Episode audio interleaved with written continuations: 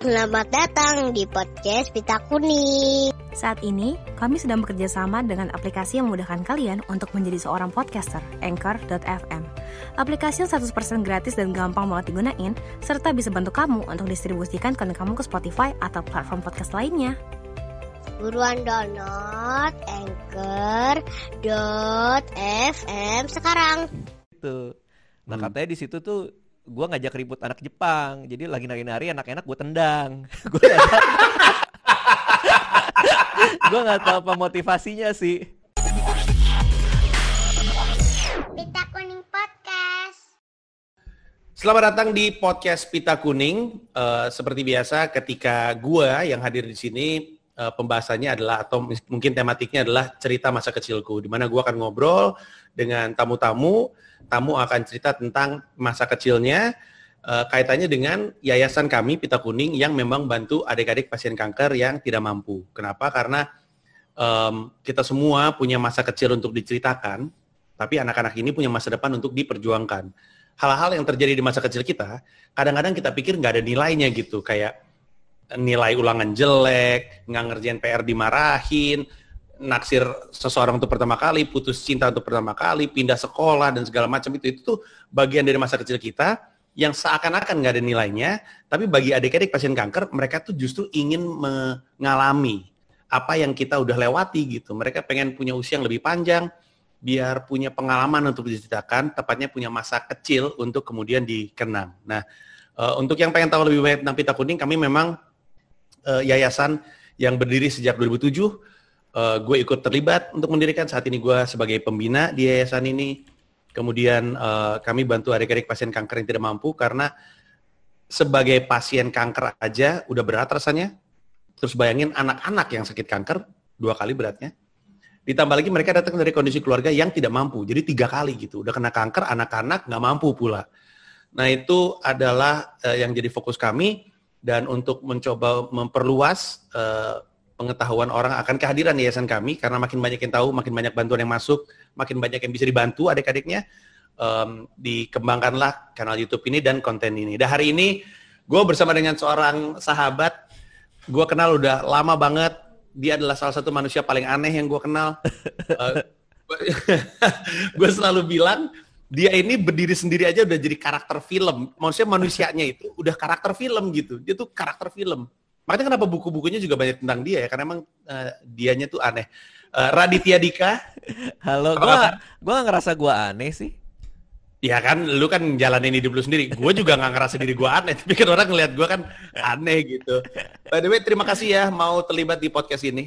Oh iya, sama-sama Panji. Gue nggak nyangka loh lu punya kepedulian terhadap adik-adik pasien kanker. Kalau gitu sih. Enggak maksud gue kan gue ngelihatnya tuh hidup lu tuh kucing, kucing, kucing gitu. Gue juga suka kucing. Tapi maksud Gua- gue Gue ya semenjak punya anak ya, gue agak melo gue kalau yang berkaitan soal anak-anak kalau gue ya. Eh, ngelihat kemarin tuh kan kalau di salah satu akun gosip tuh ada yang anak mukulin, eh ada ibu mukulin anaknya lah, anak Ya. diapain lah, itu tuh gue jadi lumayan gimana gitu setelah punya anak gitu. Karena gue tahu posisinya kan sebagai orang tua yang punya anak gitu. Jadi Ya, lu kenapa dapat berita-berita ini dari akun gosip? In- Pertanyaan gue itu. Kenapa akun gosip sumber berita lu? Ya karena nggak tahu gue sama istri gue suka aja baca-baca terus kita diskusiin. tahu nggak sih ini ini, tahu nggak sih ini ini. Gitulah pokoknya. Jadi karena lu punya anak, em, hal-hal kayak gini ya, hal-hal berita tentang anak, anak sakit atau segala macam, itu jadi deket sama lu gitu kurang lebihnya ya? Iya iya. Nah Ya. terus kan eh, apa namanya istri gua itu salah satu orang yang yang hatinya tuh paling gampang tergugah lah gitu ya. Jadi tunggu bentar, tunggu bentar. Jadi lu bilang Anissa itu gampang tergugah hatinya. iya dia dia Gampang iba gitu, gampang iba. Iya maksudnya dia dia eh, jiwa kemanusiaannya tinggi gitu loh. Itu itukah alasan dia mau menikahi lu karena iba? Iya mungkin ya, mungkin dia lihat nggak ada yang mau lagi. Enggak sih, karena dia yang paling tahan sih kayaknya ya menghadapi Oh, gitu. semua Masuk kelakuan gue. Nah Hmm. terus kayaknya em, apa namanya, gue tuh cukup kebawa sama dia gitu loh. Dia Hmm. dia tuh gue nggak apa-apa lah menceritakan kebaikan orang ya, karena kan kalau Hmm. kita menceritakan kebaikan diri sendiri kan itu kan inilah ya nggak boleh lah. Maksudnya ngapain gitu. Tapi ini kan gue ceritain kebaikan orang lain ya. Dia dia nggak pernah cerita soalnya. Dia Hmm. itu tuh rajin gitu tiap tiap bulan tuh donasi gitu. Nah eh, apa namanya salah satunya di, di kitabisa.com nah di situ tuh gue juga tahu tuh gara-gara dia eh, lu partneran juga kan ya. Itu ada kalau nggak Iya. salah partner pita kuning gitu kan. Ya. Terus salah satunya di situ juga gitu. Eh, nah, gue tuh kayak kebawa sama dia gitu jadinya untuk untuk untuk peduli sama orang. Lu lu kenal gue kan udah lama ya. Mana gue peduli sama orang sih. Cuma Iya, secara umum lu emang nggak peduli sama orang sih. Maksudnya nggak nggak gede nggak kecil emang lu nggak pernah iya, peduli iya, aja. emang gue cuek banget orangnya kan. Iya. Cuman Tapi gue bisa membayangin, Dit. Maksud gue sebagai orang tua, kalau anak kita sakit, kita kan suka eh, memaki diri kita sendiri ya. Iya, Gimana sih gue sebagai orang tua dan segala macamnya. Jadi mungkin itu juga membantu kita lebih mudah untuk empati, terutama kasusnya terhadap adik-adik pasien kanker gitu. iya, iya, iya. Terutama ya. Bentar, mbak gue ngambil minum dulu. Iya. Nah, Bentar, gue bentar. sekarang tertarik Oke, untuk yuk lanjut. ngobrol lebih panjang mengenai masa kecil lu. Jadi pertanyaan-pertanyaan gue itu akan mulai dari kelahiran lu dan selesai di SMA. Karena setelah itu hitungannya udah bukan anak-anak lagi. Adik-adik yang kami bantu juga ada yang anak-anak. SMA ada nggak sih sampai SMA? Ada kan? Iya, sampai SMA ada, Dit. Hmm, hmm. Nah, mari kita mulai dari kelahiran lu. Oh, gue ingat tuh, lahir- ingat waktu itu. Nah, gimana ceritanya orang lu yang lahir kenapa lu yang ingat? ya kan lo makanya lo nanya kita mulai dari kelahiran lo Terus gue Ya, disuruh maksud gue- ceritain wah waktu Ya, itu gue- rahim rahim terasa sangat ini ya berbeda Tiba-tiba dunia terang gitu ya. lu lahir di mana, Dit?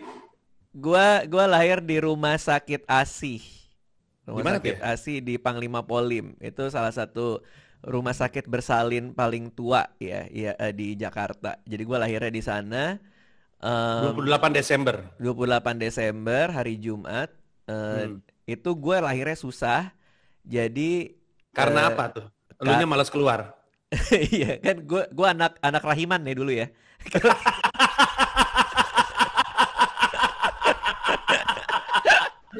Jadi sebelum lu anak rumahan lu anak rahiman Iya. ya. Iya. Lucu banget istilahnya ya.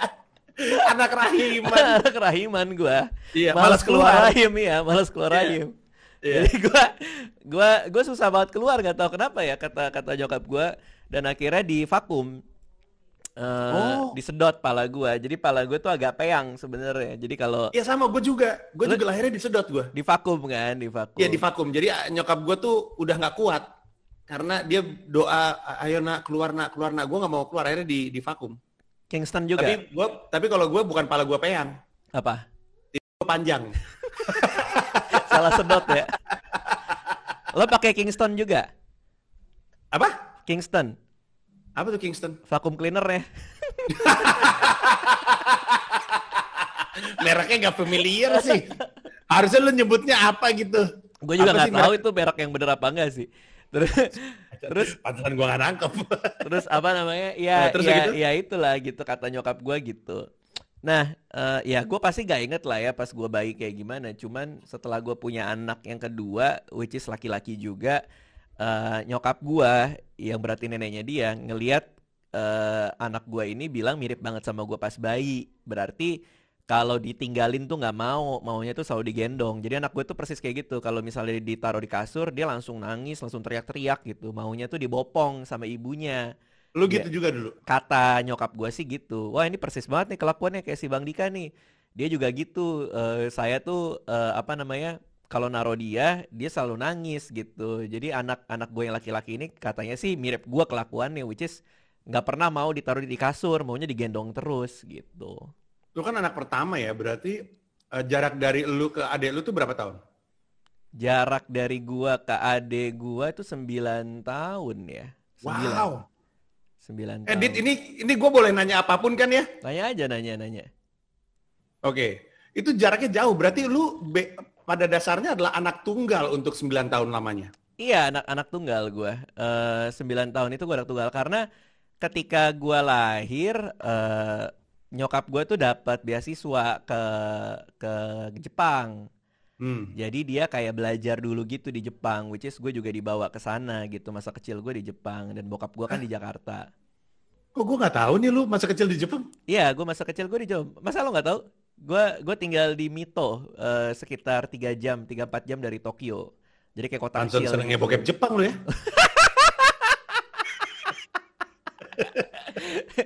Panson senengnya tisu ya Mito, Mito, Mito. ambil Mito, ambil. Telat juga nih gue mikirnya.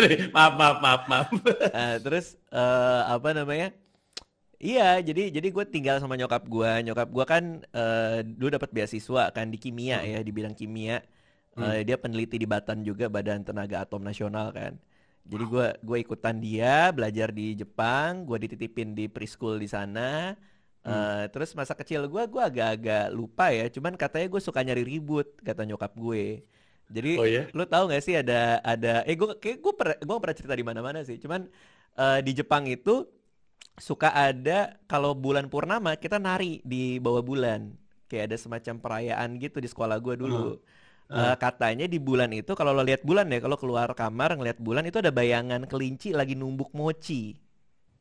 Hmm, Ya hmm. lo, eh, tapi Oke. bener kalau gua ngeliat kayak gitu kan ada bayangan di bulan tuh. Nah orang-orang Iya. Jepang tuh ngeliatnya tuh seperti kelinci sedang menumbuk mochi. Hmm, Nah hmm. jadilah kita nari-nari pakai topi kelinci tuh, topi kelinci dari Hmm. kertas gitu. Nah Hmm. katanya di situ tuh gua ngajak ribut anak Jepang. Jadi lagi nari-nari anak-anak gue tendang. Gue. Gue nggak tahu apa motivasinya sih. Oke, sebentar gue tarik mundur dulu. Eh. Waktu lu berangkat ke Jepang sama nyokap, itu lu umur berapa? Masih bayi? Masih balita? Enggak, enggak, enggak, enggak. Udah, udah, eh ya balita ya benar-benar. Eh, setahun dua tahun kali ya. Maksudnya udah udah bisa jalan tuh umur berapa ya? Dua tiga tahun kali ya.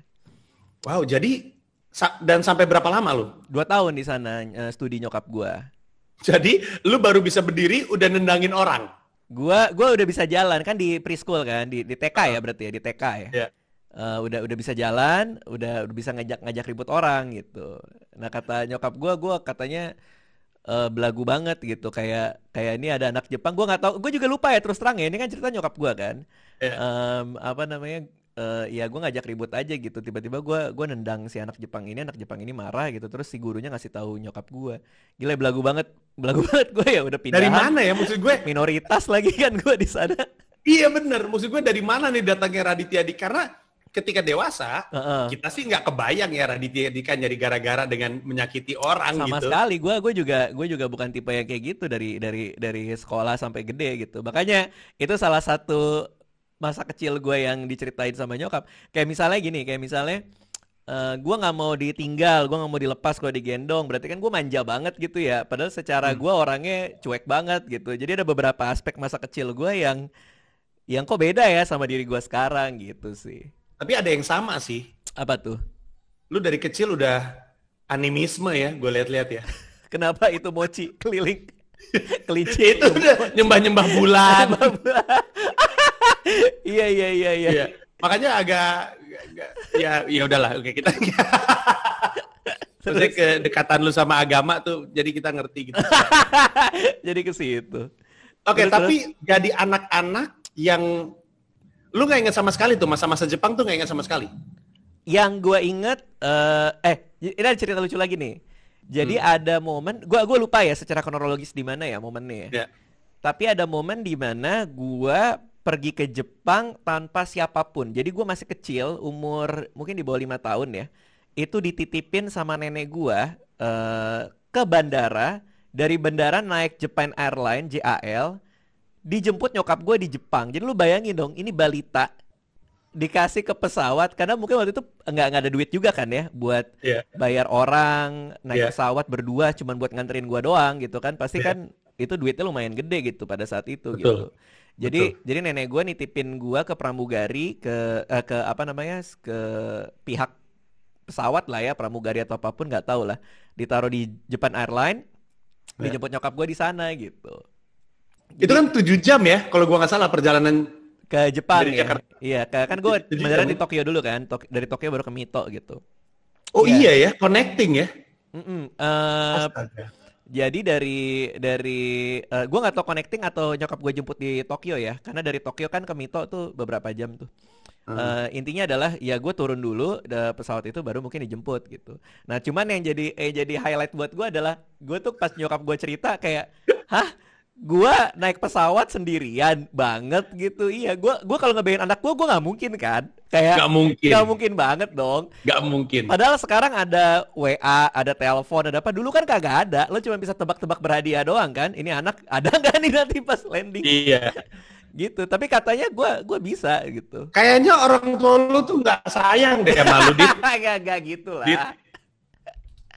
Orang tua lu tuh nggak sayang sama lu. Ya nggak gitu kan. Mungkin waktu itu kan ininya beda lah. Pertimbangannya gue, beda pasti. Untuk terbang 7 jam aja, misalnya. Ya tapi maksud gue kan, gue kalau jadi orang tua ya, anak gue 7 jam ngapain tuh di pesawat tuh? Jakarta Tokyo-nya aja kan 7 jam. Iya. heeh. Gak ada yang jagain. Dan- Gimana lapar? Dan mungkin Gimana buat coba? buat gua long flight itu Ya, maksud gua gue, bingung kan ya kayak kayak long flight itu apa yang harus gua lakuin hiburan mungkin nggak kayak dulu ya kan Eh, Iya, yang gua betul. inget itu dulu di Japan Airline itu eh, suka dikasih mainan pesawat-pesawatan terus menggambar gitu Hmm. ada cuman kan tetap aja Iya. buat buat per- buat perjalanan selama itu bosannya kayak gimana gitu nah itu itu nah aspek-aspek itu yang diceritakan nyokap gua ke gua dan dan gua nggak gitu banyak inget Nah, eh gue Tapi- juga katanya jago bahasa Jepang katanya. Tapi yang gua masih Pada zaman itu? pada zaman itu, pada yang masih gua ingat sampai sekarang cuman Oshiko sama Obake. Jadi hanya dua kata itu yang tersisa di diri gua sampai sekarang. Berarti dua kata itu penting banget kan? Oshiko. Artinya apa? Obake. Oshiko tuh artinya kencing. Mungkin gua, aduh lucu banget Radit Mungkin- kecil. Oshiko, iya. Oshiko. Mungkin gua saking seringnya minta kencing kali ya. Iya. Itu, itu dong yang gue inget Oshiko sama Obake. Obake itu setan. Aneh nggak tuh? Itu yang gue inget loh. Wow. Aneh wow, pantesan orangnya zaman sekarang seneng banget berburu setan. Aneh nggak? Dari Aneh? Dua, Iya, aneh banget. dua kata itu yang hanya gue inget sampai gue gede. Pernah lu tanya nggak sama nyokap lu kenapa ya? Kok gue inget kata setan? Ada kejadian apa waktu kita kecil? Nggak tahu, nggak nggak. Gua gua nggak pernah nanya. Gua gua nggak nanya. Kenapa ya kok cuman Obake nggak nggak nanya itu. Cuman yang gue inget itu Oshiko dan Obake itu itu yang sampai sekarang gue gua tahu artinya gitu. Sisanya gue udah lupa. Ada ininya nggak? Ada dampaknya nggak? Eh, menjadi balita tanpa kehadiran ayah di sebuah negara yang asing gitu. Enggak sih, karena gue lihat foto bokap gue juga kok waktu pas masih kecil kan bokap gue sempat ngunjungin juga ke Jepang, dia Hmm. gendong gue di Disneyland apa, gue di eh, lehernya dia gitu. Cuman Waktu bokap lu lagi nggak di Jepang, suka ada laki-laki nggak jelas ke rumah nggak? ada tapi gue yang undang, ngajak main, ngajak main. Wah, lu masih inget temen di Jepang nggak? Karena Aduh, TK kan? sama sekali enggak, sama sekali enggak. Eh, Ap- tapi tapi ini gua gua kemarin eh tahun lalu bikin nyokap gua nangis gara-gara gua baru ngajarin dia cara pakai Google Earth. Namanya orang Hmm. tua kan diajarin Google Earth kan terkaget-kaget dong. Kayak Iya, iya. ini bener kita bisa lihat jalanan di Jepang gitu. Iya, terus gua gua kasih tahu nih mah caranya pakainya gini. Terus Hmm. eh, tiba-tiba dia kirimin gua foto banyak banget gitu. Ini sekolah kamu dulu. Eh nyokap gua manggil gua Dikung. Ini sekolah Hmm. Dikung dulu. Kenapa Dikung? Ya itu salah satu warisan dari Jepang, Dikakung Hmm. gitu. Eh, Abang Dika. Kung itu kan Hmm. Karyagekun kan kalau lo pernah baca Ya, komik tuh. ya, Ya, Dikakun gitu, baca Dikakung gitu. Ini sekolahnya Dikung dulu nih, dikasih lihat foto sekolah gua. Ini mama dulu abis eh, nitipin kamu, mama eh, belajar, abis itu kerja nih di toko ini, dia bilang gitu. Wah dia nangis dia, nggak ngelihat si Google Earth itu. Wow. Nyokap lu kerja apa waktu di sana selain dia sekolah? Ah, gue lupa deh di toko apa. Kemarin dia WA gue sih, dia dia jelasin toko kayak toko otomotif deh kalau nggak salah ya. Cuman sebuah toko lah gitu. Nah, lu kan abis itu lu lu bilang cuma sampai berapa umur tiga ya? Tiga empat tahun ya, tiga tiga empat. Mungkin umur lima kali ya gue masuk sini karena gue inget gue juga TK di sini. Oke, waktu lu balik ke sini rasanya seperti apa? Karena seperti lu, gue juga kalau gue lahirnya di luar, tapi gue masih bayi, umur lima tahun gue balik ke Indonesia. Oh umur di Singapura gitu. ya kalau nggak salah. Ya, gue di Singapura. Hmm. Waktu gue balik ke Indonesia, sama bokap gue ditaruh di sekolah internasional. Emang bokap gue aneh, padahal kan ngapain gue di sekolah bule gitu. Lu waktu balik dari Jepang ke sini, ada semacam adaptasi atau apa? Karena waktu lu lahir, kata-kata pertama yang lu pelajarin kan, ya ada bahasa Jepangnya gitu, bukan cuma murni bahasa Indonesia. Gua gue lumayan tumbuh di Jakarta juga dulu sebelum sebelum nyokap gua kira kuliah di luar lagi kan gue sempat diurus di Jakarta juga jadi sebenarnya gapnya nggak gitu gede sih dan di sana juga cuma dua tahun kan jadi uh, dan gua masih kecil pula jadi ke kegagapannya itu belum terlalu berasa sebenarnya gitu Uh, hmm. Cuman memang abis itu kita sekolahnya kalau lo kan di internasional, kalau gue di sekolah biasa aja gitu. Kebetulan ada ada ada TK uh, eh, di dekat rumah. TK huh? itu TK itu eh, itu ada TK, SD sama balai perempuan. Tempat huh? gua TK di situ. Sekarang hmm. dirobohin, semua dijadiin satu untuk jadi rumah salah satu konglomerat di Indonesia. Wow. Siapa tuh? Ada deh pokoknya. Sebut dong. Jangan lah, nanti orang tahu rumahnya di mana. Cuman ya, Nggak. cuman ya, cuman ya itu warisan warisan yang gue inget gitu. Oke. Okay. Uh, eh, tapi lo masih ingat kalau TK lo ingat? Ada ada ingetan waktu TK di Indonesia di Jakarta? TK gue inget, uh, TK gue inget. Gua Kayak apa tuh Radit TK?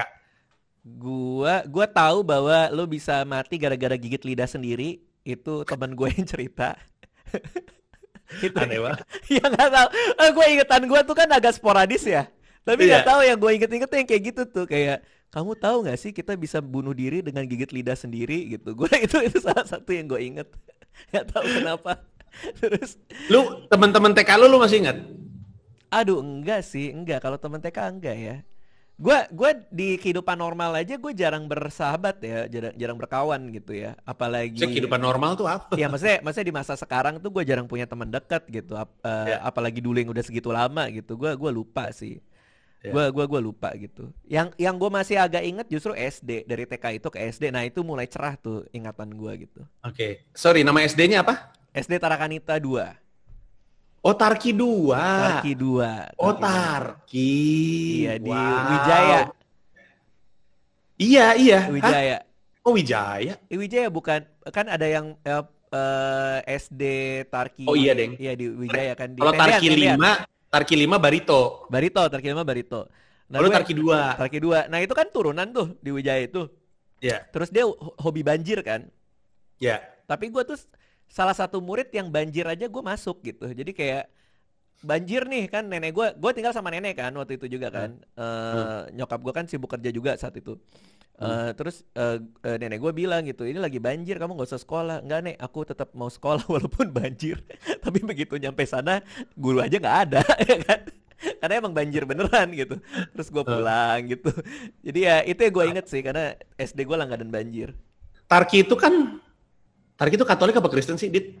Kayaknya sekolah Katolik ya, kayaknya ya. Katolik ya. Kakak gue tuh Tarki 5. Oke, oke. Jadi gue tuh sering um, kalau pulang sekolah tuh ke Tarki 5 sering juga ngeliat kan banyak suster yang ngajar suster kan banyak suster kan kepala sekolah gue dulu suster iya kepala iya kan gue betul iya iya iya gue ingat sekali terus uh, waktu lu SD hmm. lu tuh hitungannya anak yang secara akademis pintar atau nggak terlalu Gua secara akademis pinter karena uh, pertama gua gua kerjaan gue cuma belajar ya dulu tuh. Dan gua hmm. kalau dikasih sesuatu gua kerjain gitu. Dan hmm. rasa curiosity gua tuh tinggi banget penasaran gue jadi gue tuh termasuk yang paling rajin ke perpus uh, minjem buku apa ini apa itu. Dulu kan ada tuh. Sampai hmm. saking seringnya minjem bokap nyokap gue akhirnya beliin gue satu satu set apa ini apa itu. Yang dia di iklannya di RCTI dulu tuh apa hmm. mengapa begini mengapa begitu? Aku ingin tahu semua ini itu. Nah itu buku gue tuh. Ensiklopedi gue suka banget baca gitu. Jadi ya uh, apa namanya jok-jok gue juga suka udah udah mulai suka baca buku komedi kan uh, di buku SD apa SD. yang lu baca? Uh, di lemari buku nenek gue itu ada beberapa buku komedi yang judulnya mati ketawa ala Rusia hahaha ya kan? Tahu gak klasik Iya tahu gue. Iya tahu kan itu kan. Uh, apa-apa hahaha. Terus gue penasaran gue bacain juga gitu. Nah, hmm. uh, kalau anggota keluarga gue baca, mereka ketawa bacanya. Tapi hmm. kalau gue baca, gue nggak ketawa karena gue nggak ngerti. Jadi jadi udahlah gue hampir uh, berapa hari waktu itu gue baca sambil nyari tahu kenapa orang mikir ini lucu gitu loh. Jadi gue bener-bener kayak gue pelajarin banget di bagian mereka gue tanyain ketawanya di mana di sini kenapa ini lucu gue minta dijelasin gitu. Jadi ya wow. jadi gue agak tertantang buat buat bikin komedi juga gitu. Uh, karena gue seneng ngeliat orang ketawa gitu pada saat. Waktu lu SD lu udah nulis, udah semacam nulis sesuatu. Eh, kelas 4 SD, gue pernah nulis sebuah buku eh, eh, di buku tulis Kiki pakai tulisan Hmm. tangan lawakan-lawakan buatan gue. Jadi Wow. kelas 4 SD. Nah, itu ada seri namanya nama ada, ada satu cowok anak SD, gue lupa jok-jok SD lah kayak misalnya eh, si cowok ini dia eh, ketabrak bis antar jemput kemarin di sekolah terus di diinfus tapi dia malah jadi nggak sehat karena diinfusnya pakai air comberan hahaha gitu loh kayak gitu-gitu loh. Jok-jok gak jelas, plesetan-plesetan gitu. Terus eh eh lo ngelek ya? Cek cek. Ji, Saat ini, kami sedang bekerja sama dengan aplikasi yang memudahkan kalian untuk menjadi seorang podcaster, Anchor.fm. Aplikasi yang 100% gratis dan gampang banget digunain, serta bisa bantu kamu untuk distribusikan konten kamu ke Spotify atau platform podcast lainnya. Buruan download Anchor.fm sekarang. Nah, itu kan kelas 4 SD ya. Eh Hmm. buku itu kan gue tulis di buku tulis Kiki tuh. Ya. Buku itu tuh terhilang karena dari lo tau gak sih? Karena ini gue nggak mau sombong ya, tapi ini kan yang terjadi ya. Ini terjadi beneran nih. Gue gua nggak ngarang nih. Eh buku itu dioper ke satu teman ke teman yang lain kan kayak ih ini buku bagus nih gitu loh maksudnya lucu nih gitu dioper lah ke teman SD lain teman SD lain dan akhirnya hilang akhirnya hilang dan lawakan-lawakan di situ kan ada yang ada yang ada yang jorok juga ya jorok anak SD Iya. tapi ya Iya. Eh, terus nah itu hilang tuh hilang. Gue sempet panik kan panik. Lalu ternyata pas gue naik kelas di kelas 5 buku itu nyebar di adik kelas. Jadi gue nggak tahu siapa yang nyebarin tuh. Dan dibaca guru gua. Jadi ya gue ya kayak gue udah nggak mau tahu dah gue bilang. Wow. Tapi itu ada tulisan oleh Raditya Dika gitu ada tulisannya? Se- seharusnya ada ya. Gue eh, soalnya gue pakai singkatan-singkatan nama yang R, Radit orangnya, A, asyik gitu ya, itu kayak gitu. Nah itu gue lucu-lucuin juga tuh. D, Dika apa ya gitu kan, ya kayak gitu gitulah. Nah, waktu lu kelas 4 SD lu nulis joke, apakah ada temen-temen lu lagi yang juga dalam satu minat sama lu, jadi suka nulis joke juga? Ataukah lu tuh udah ngerasa gue aneh sendiri nih gue suka nulis joke? Gue tuh berkomedi karena gue dibully dulu, karena gue kan pendek. Eh, Hmm. dan tapi kalau gue bikin orang ketawa, ini orang jadi stop ngebully gue, malah gue diajakin nongkrong gitu loh. Ini SD nih kayak gini? SD, SD kan. Oh wow. SD itu kan ya beraneka ragam lah di sekolah gue dulu orang-orangnya ya, Eh, Ya. termasuk gua gitu, yang paling pendek, paling aneh, paling penyendiri gitu, which is eh, bagi orang-orang lain kayaknya ini ini anak culun nih gitu, Eh, selain pendek nggak punya teman kan, akhirnya Hmm. di- se- sering dikata-katain, sering dikerjain gitu. Nah buat gua justru ini momen eh, gua jadi eh, sarana perlindungan diri gua adalah dengan berkomedi gitu. Kalau gua bisa ngelawak mereka jadi suka. Nah dulu itu yang jadi bahan lawakan gue yang dari buku Rusia Huahaha itu. yang mau dengar cerita nggak gitu ya. Cuman gue cuma Hmm. recite kan. Jadi masih apa sih kalau itu istilahnya ya kayak masih eh joke telling lah. Joke Masih- telling. Masih joke Iya. telling gitu. Iya. Ya, Nah, ya, heeh. Oke, jadi kalau kalau teman-teman SD lu, kalau misalnya gua ketemu sama teman SD lu, terus gua tanya Radit kayak apa waktu dia SD, berarti jawaban dia adalah Radit dari kecil emang suka ngelawak, emang gitu? Bisa, heeh, iya, kayak gitu. Oh, Terutama wow. teman-teman gue yang deket sama gue ya, gue ada Hmm. beberapa teman yang di, didekatkan gara-gara main game. Jadi gue suka banget main Hmm. PS kan dulu kan, mainnya Hmm. game RPG tuh role playing game. Jadi kita suka diskusi. eh gue mentok nih ngelawan bos ini, cara ngelawannya gimana? Lama-lama kita jadi ber, berkelompok gitu. Tetap culun Oh. sih tapi. Oke. By the way, waktu lu SD, tontonan favorit lu apa? Itu kan lu kan berarti SD lu, lu, lu SD tahun berapa dit berarti dit? 98 lulus ya, kalau kalau gue nggak salah ya. 98 lulus SD. Kayaknya ya, gue gue lupa juga sih. Berarti TV udah Iya. banyak itu. Kalau gua kan SD Eh, cuma ada 96, TVRI. 96 lulus SD. Soalnya Ya. kan 12. Ya, saya ya segitulah. Ya, Gua- gua Lu lulus SD 96, gua lulus SMA. Kita tuh jauh banget ya, Dit. Lumayan ya. Iya ternyata gue baru enggak. Kelakuan lu tua sih, jadi gue nggak ngerasa. Enggak, eh, tontonan lu SD apa? Maksudnya yang kalau lihat ya ampun ini tontonan zaman gue SD gitu, itu apa? Discovery Channel ya. Gue suka nonton, iya. Gua- Jangan bokis lu. Demi Allah bener, gue suka nonton Discovery karena Anak SD nontonnya Discovery Channel ya. iya Discovery. Lu rada mirip Dipo gue lihat-lihat ya. Di- Dipo juga kan?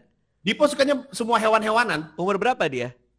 Sekarang dia udah SMP, tapi dia udah suka hewan-hewanan, burung-burungan dari, Dari SD dia kan? Iya, Iya, makanya sama waktu itu persis. lu lu ngelihat Dipo, ini zaman lu belum nikah ya. Heeh. Lu belum ngeliat Dipo terus lu bilang, gue jadi inget gue sendiri waktu kecil asik sendiri gitu ya. Itu iya, kayak lu ya. Iya, dia bener kan? Dia suka nonton. Berarti anak gue gedenya jadi psikopat, Dit.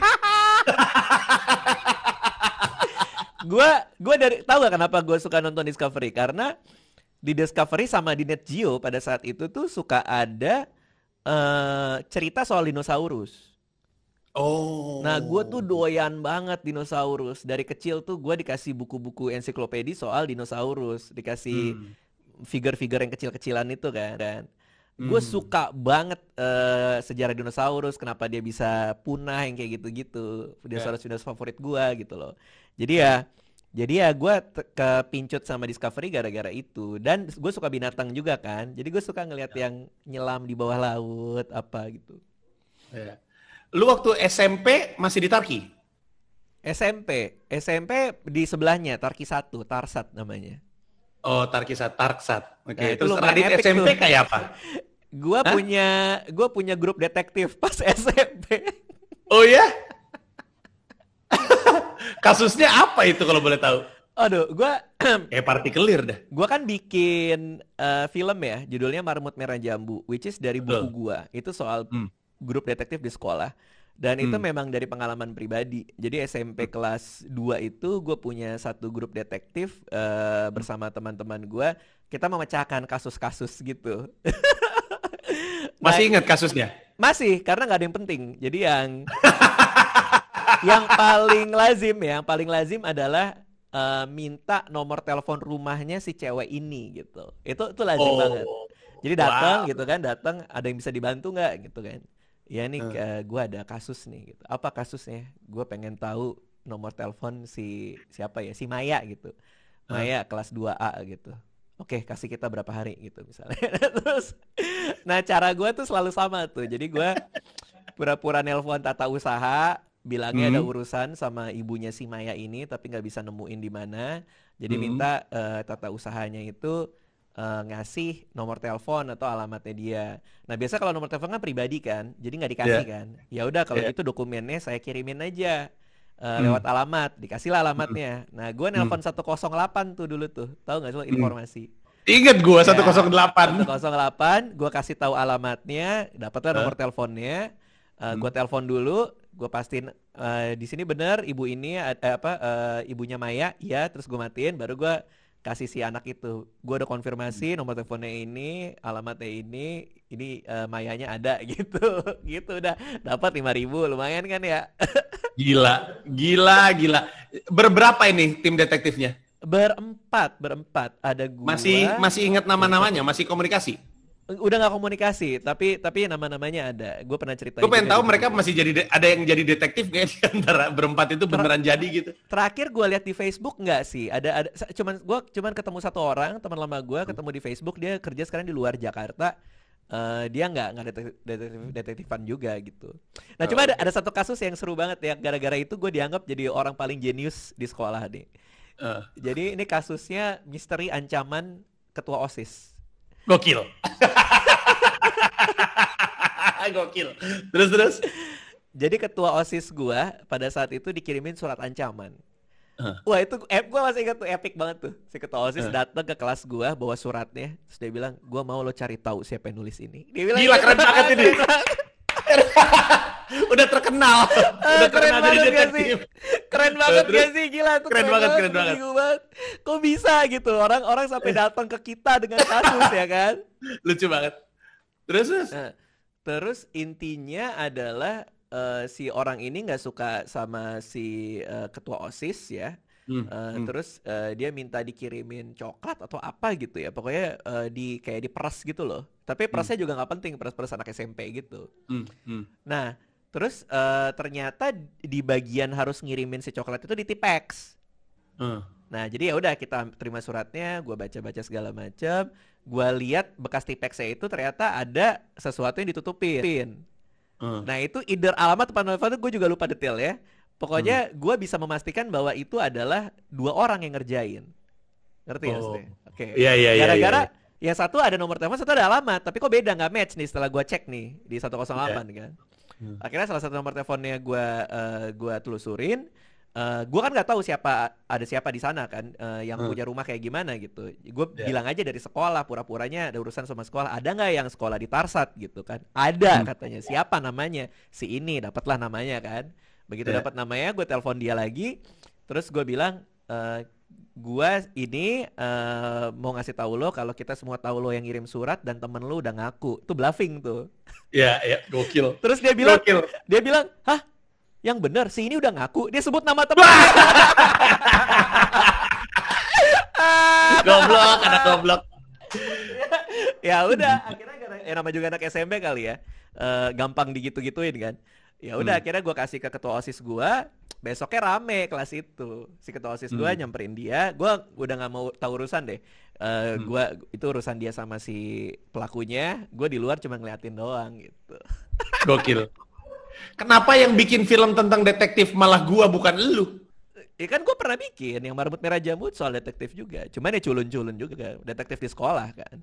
Oh iya, nggak iya, iya. yang kayak partak clear yang apa yang yang eh, obat-obatan gitu maksudnya. Iya, iya. Dan kebetulan emang banyak juga yang nonton film Partikel Oh gitu ya. Iya, 184 ribu lumayan lah banyak buat gua. By the way, Dit, Dit, lu SMP udah ada pacarannya tuh? S- SMP gue naksir, gue pernah naksir Hmm. cewek. Cuman gue nggak tahu setiap cewek yang gue taksir tuh nggak mau sama gue. Jadi gue pernah kayak gue Udah lu detektifnya SMP lu ya? ya apa kerennya ya? kan nggak ada kerennya juga. Iya kan, Orang orang nggak ada kan- kerjaan. Untuk anak SMP detektif itu kan keren gitu maksud gue. Apalagi lu Kayaknya bilang deh. dianggap jenius gitu kan. Eh, jujur ya, itu gue pernah diomongin tau gak sama SMP itu. Karena gue dianggap aneh, kayak, ih lihat tuh, lihat tuh, ada ada ini, ada detektif lewat, detektif lewat, kan aneh tahu. Oh, Untuk- malah jadi dibully ya? Iya, nggak dibully sih, cuman diomongin aja kayak Oh, iya. gini loh. Lo bayangin lo anak SMP yang gaul, yang kerjanya ke mall, dengerinnya Prambors gitu misalnya. Tiba-tiba Iya. nih ada anak-anak culun bikin grup detektif di sekolah, kan gimana lo nggak pengen ngatain ya kan? Iya sih. Nah, itu iya anak-anak sih. gaul zaman gue dulu kan gitu kan ke mall apa segala. Nah, Iya, iya. Eh tapi ada ada satu yang cukup nyelekit sih pengalaman gue di SMP. Jadi gue Hmm. tuh ada satu teman, eh ada satu orang yang gue taksir di di kelas gue. Nah waktu itu pelajaran olahraga. Pelajaran olahraganya itu tahu nggak lo dia- yang dari tiang ke tiang itu loh. Jadi lo kayak kayak kayak apa bergelantungan dari satu Oh, iya, tiang iya, ke iya. yang lain gitu kan. Iya. Ntar kalau nyampe sana tuh berarti lo endurance-nya bagus gitu kan. Ya mangkibar kan? Mangkibar, mangkibar ya. Ya. Nah, gue tuh latihan dulu kan supaya gue bisa nih gitu. Hmm. Eh, karena eh, karena ya gue pengen pengen kelihatan keren aja depan dia gitu loh. Eh. Ya udahlah, gue ikut mangkibar itu. Begitu sampai ujung, gue teriak kayak yes gitu sambil ngeliat ke arah dia, ngerti gak? Eh. Kayak kayak ih lihat nih gue nih keren kan gue Iya, bisa iya. mangkibar dari ujung ke ujung. yes gitu kasih lihat kayak belagu banget udah nih em, abis itu keesokan harinya teman sebangku juga eh, tem- teman sebangku gua yang perempuan itu Hmm. temannya dia temannya gebetan gue gitu Hmm. bilang ke gua eh si ini bilang ke gua nih suruh ngomongin ke lu apa nggak usah caper-caper depan dia gitu Waduh, Oh, gila. Oh, kasihan Raditya Dika kecil patah hati. Gila gak sedih banget gak sih kayak Ya. lu SMP nih lu naksir cewek lu ngerasa kayak ih keren banget gua nih bisa ikut mangkibar ini gak usah caper-caper ya depan dia gitu. Astaga. Pantesan pas udah dewasa suka jatah sama perempuannya lu. wadaw enggak dong. Enggak dong. Cuma cuman lo ya yang yang bikin malunya itu yang ngomong orang lain. Itu yang bikin malu sebenarnya. Dan teman sebangku juga. Lo gimana bereaksi terhadap itu kan? Jadi kayak Iya, iya. ya gimana? gitu. Ya, kasihan. lu SMA 70? SMA 70 Ya, kalau SMA gue mulai rada familiar nih karena di beat-beat lu suka dibahas. Lu paling culun, nggak SMA 70 kan angkatan lu namanya apa ya? Gue lupa deh. Tiap angkatan kan ada nama. Oh, Salvo Zesta namanya. Apa? Salvo Zesta. Salvo Zesta. Ya, salvo kan tembakan salvo tuh ke udara. Oh. Ah, Zestanya tambahan aja salvo Zesta. wow. Terus eh, kalau anak-anak SMA ditanya Radit waktu SMA kayak apa, kira-kira jawaban mereka apa? Eh, anak-anak SMA gua, teman-teman SMA Iya. gua, Iya. ya ya ya culun-culun aja sih ya karena gua paling nggak nongkrong, gua nggak ngapa-ngapain juga gitu. Lu udah nulis kan berarti kan? Udah ngeblok? Dari dua SMA gua ngeblok. Iya, iya. Dan waktu itu teman-teman lain nggak ada yang ngelakuin ya, gua asumsikan ya. Enggak, enggak. Eh, ada satu tapi dalam bahasa Inggris gitu. Jadi bukan bukan yang masuk ke scene-nya gitu. Kan kalau gua kan gua ngeblok dalam bahasa Indonesia, gua masuk ke komunitasnya, gua masuk ke scene-nya gitu. Ya. Eh, gua juga bikinin website buat teman-teman gue, jadi website angkatan gitu. Jadi gue suka belajar HTML dulu tuh, belajar coding, coding buat HTML. Ah, Terus waktu itu pengaruh lu untuk nulis apa? Kalau misalkan teman-teman lu tidak, Mm-mm. apa gitu pemicunya? Oh, kenapa gue jadi suka nulis? Iya. Terutama nulis ngeblok ya. Eh, per- gua suka nulis kan dari SD. Gua dari SD suka nulis diary segala macem. Cuman Ya. gua tahu gua bisa elevate menulis itu dari kelas 1 SMA karena gua ada guru bahasa Indonesia, guru bahasa Indonesia kelas 1 itu terima undangan. Undangan acara judulnya, judulnya sastrawan sastrawan bicara, pelajar bertanya. Itu judulnya. Lalu guru bahasa Indonesia gua nanya, siapa nih yang mau ikut ke tim Taman Ismail Marzuki untuk datang ke undangan acara ini? Satu angkatan kagak ada yang mau, cuman gua berdua doang. Gua sama satu cewek, ya kan? Karena gue emang suka baca, suka nulis. Yang lain kagak ada tuh satu angkatan gue yang yang sampai mau segitunya ya, mau segitunya buat Hmm. ikutan ke tim, ngeliat sastrawan bicara gitu kan. Iya iya iya. Itu kalau gua itu kalau di SMA gua, siapa pun yang akhirnya berangkat pasti anak nggak asik tuh di sekolah gua tuh. Iya, itu berarti gue ya. Iya, mungkin mungkin ya berarti asumsinya juga gitu kali ya. Mungkin orang-orang kayak ngapain banget kan datang ke sana. Akhirnya gue Iya. datang lah ke sana. Wah, pas gua ke sana, gua ngelihat Sutarji Holum Bahri bacain eh, syairnya dia, gua ngelihat Deddy Miswar bacain eh, puisinya dia, tapi yang paling epic waktu itu gua lagi duduk, tiba-tiba lampu mati, terus lampu sorot menyala. Ini di tim di teater besar ya, eh di teater kecil ya. Apa sih yang yang Belum ada kali 300 zaman itu. Mungkin lu di GBB kali. 300 orang itu apa? Geraha Bakti Budaya. Ya, GBB ya. Oh, eh teater besar baru ya itu justru ya. Iya, iya. Ya, eh, ada lampu kan nyorot ke situ tuh ke kursi tengahnya. Putu Wijaya berdiri Gokil. sambil ngambil mikrofon bacain cerpennya dia judulnya Merdeka. Merdeka bla bla bla bla bla. Tapi dia nggak pegang apa-apa. Dia nggak dia nggak pegang naskah, dia nggak pegang apa. Dia cuman megang mikrofon, jalan ke panggung, ngomongin cerpennya dan lucu banget. Jadi itu cerpen bagus, menarik dan lucu. Itu pertama kali gue ngelihat orang megang mikrofon bisa lucu, bisa seru, bisa didengarkan banyak orang gitu loh. Nah cikal bakalnya di situ tuh.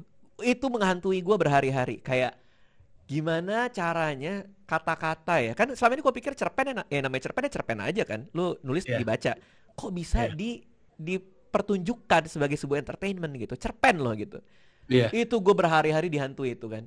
Nah terus akhirnya gue bilang ke eh, guru bahasa Indonesia gue, Bu, saya mau nyobain dong ke kelas lain atau ke adik kelas eh, eh, cobain kayak Putu Wijaya gitu, bacain cerpennya dia gitu, boleh nggak gitu. Akhirnya selama beberapa minggu, gue ke kelas-kelas, gue gua bacain cerpennya Putu Wijaya sambil ngulik sendiri gitu, gimana caranya bisa nyampe ke level kayak dia ya waktu itu ya gitu. Termasuk tahun depannya, tahun depannya ketika gue naik kelas, gue dibawa sama si eh oh iya itu gue masih kelas 1 jadi gue belum belum ketemu adik kelas tuh. Gue bilang dari kelas ke kelas. Tahun depannya begitu gue naik kelas gue punya adik kelas guru bahasa Indonesia gue bawa gue ke adik kelas gue gitu. Nah itu itu itu yang ngebuat gue lumayan lumayan pede untuk nyari persilangan antara showmanship ya eh, dengan menulis gitu gara-gara dan Putu awal- Wijaya.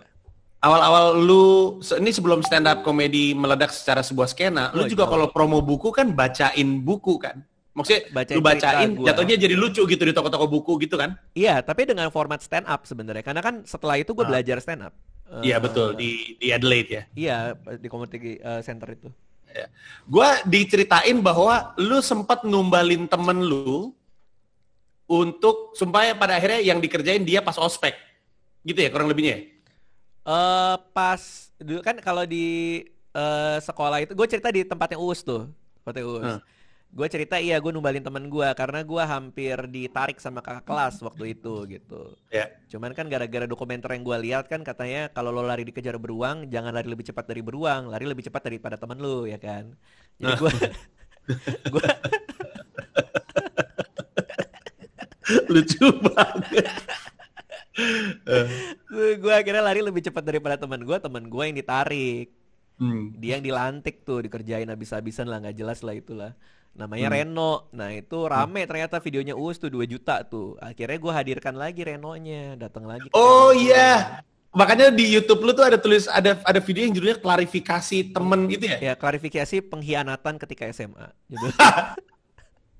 Lucu banget Karena itu teman gitu dekat ya. gua banget. Kita kita ber, berempat waktu itu kita deket banget gitu loh. Cuman di saat itu kan emang ini ya kan nyawa taruhannya ya. Jadi jadi mau nggak mau gua harus berkhianat kepada dia Oke. gitu. Anyway, Radit, ini kita cerita udah panjang banget. Terima kasih banyak. Em, gua udah berteman lama sama lu aja, gue baru tahu cerita-cerita ini. Gue baru tahu, gua nggak tahu guanya nggak nyimak atau gimana. Gue baru tahu hari ini kalau lu tuh sempet tinggal di Jepang. Nggak ngeh sama sekali. Selain Jepang, lu sempet tinggal di luar negeri lagi nggak karena nyokap lu duluan? Enggak, enggak, enggak. Nggak ya? Nggak.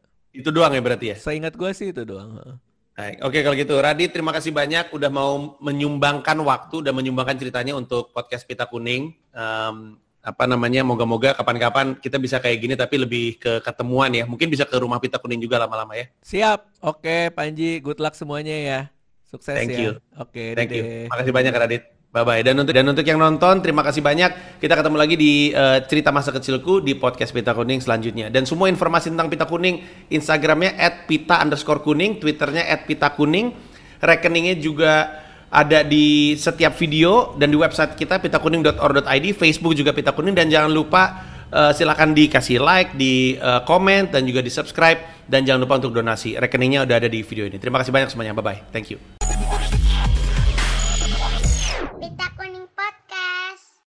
Saat ini, kami sedang bekerja sama dengan aplikasi yang memudahkan kalian untuk menjadi seorang podcaster, Anchor.fm. Aplikasi yang 100% gratis dan gampang banget digunain, serta bisa bantu kamu untuk distribusikan konten kamu ke Spotify atau platform podcast lainnya. Buruan download Anchor.fm sekarang.